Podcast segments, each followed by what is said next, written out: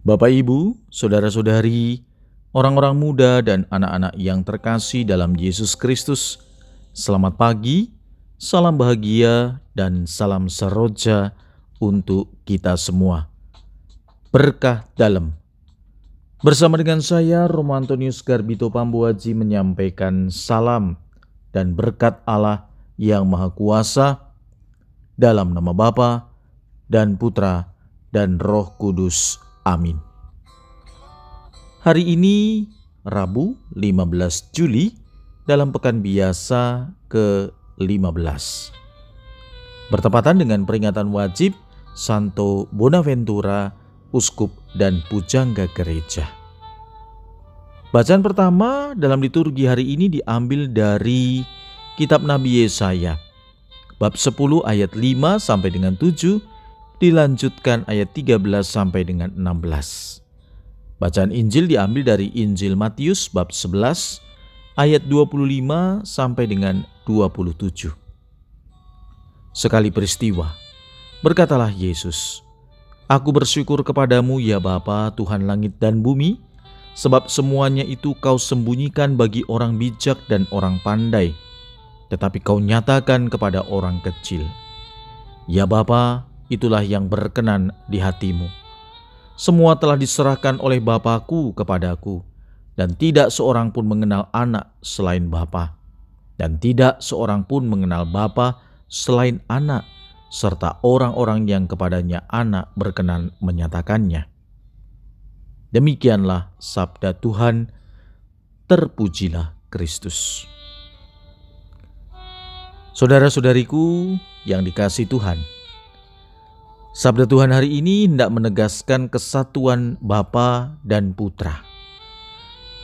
Putra berasal dari Bapa dan semua perutusan yang dilaksanakan oleh Putra berasal dari perutusan Bapa. Maka dengan demikian kehadiran Putra berarti juga kehadiran Bapa. Dan Bapa menghendaki keselamatan kepada semua manusia. Sebagai sang putra, Yesus senantiasa memberitakan kabar keselamatan. Dalam kerangka itu, Yesus memilih orang-orang yang akan menjadi bagian dari karyanya. Namun, tanggapan tawaran itu tidak diterima oleh semua manusia. Aspek lain yang bisa kita renungkan dari Injil adalah bahwa Yesus yang menyatakan syukurnya kepada Bapa. Ia bersyukur karena semua hal yang perlu untuk menghadirkan kerajaan Allah sempurna dan dinyatakan kepada Yesus. Ia lemah lembut, rendah hati, tetapi juga mendapat banyak penolakan, penderitaan, dan kemalangan.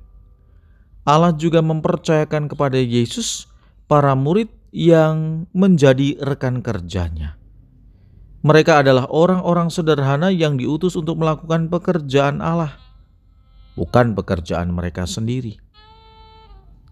Sabda Tuhan hari ini membangkitkan kita untuk bangun dari tidur iman.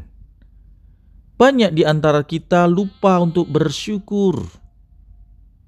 Injil juga mengingatkan kita untuk memandang serta mengagumi Tuhan Yesus karena hanya dalam Dia ada keselamatan. Dia yang mengajar kita untuk saling mengampuni. Dia yang mengajar kita untuk saling melayani dan mengasihi tiada batas. Yesus sungguh menjadi guru dan tuan.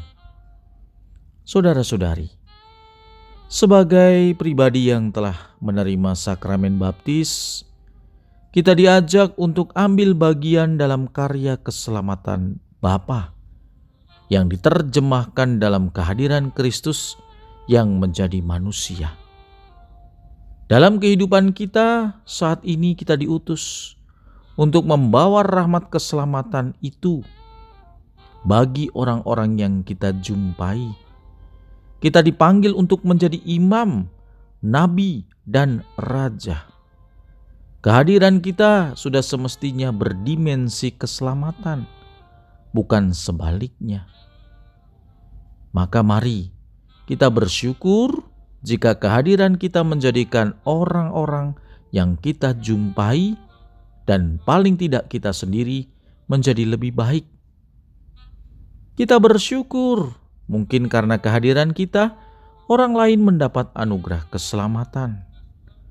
Namun kita tetap sadar dan ingat bahwa bukan pertama-tama karena kita mereka menjadi demikian. Kristus Yesus lah yang kita terima yang memanggil mereka. Kita yakin dan percaya bahwa tidak seorang pun mengenal Bapa selain anak dan orang yang kepadanya anak itu berkenan menyatakan. Marilah berdoa. Tuhan Yesus, semoga hari demi hari kami makin menyandang dan menyadari bahwa keselamatan hanya akan terjadi melalui dirimu. Maka kami mohon ingatkanlah kami untuk selalu bersyukur kepadamu dan sesama, dengan saling mengampuni dan saling melayani. Berkat Allah yang Maha Kuasa, dalam nama Bapa dan Putra dan Roh Kudus. Amin.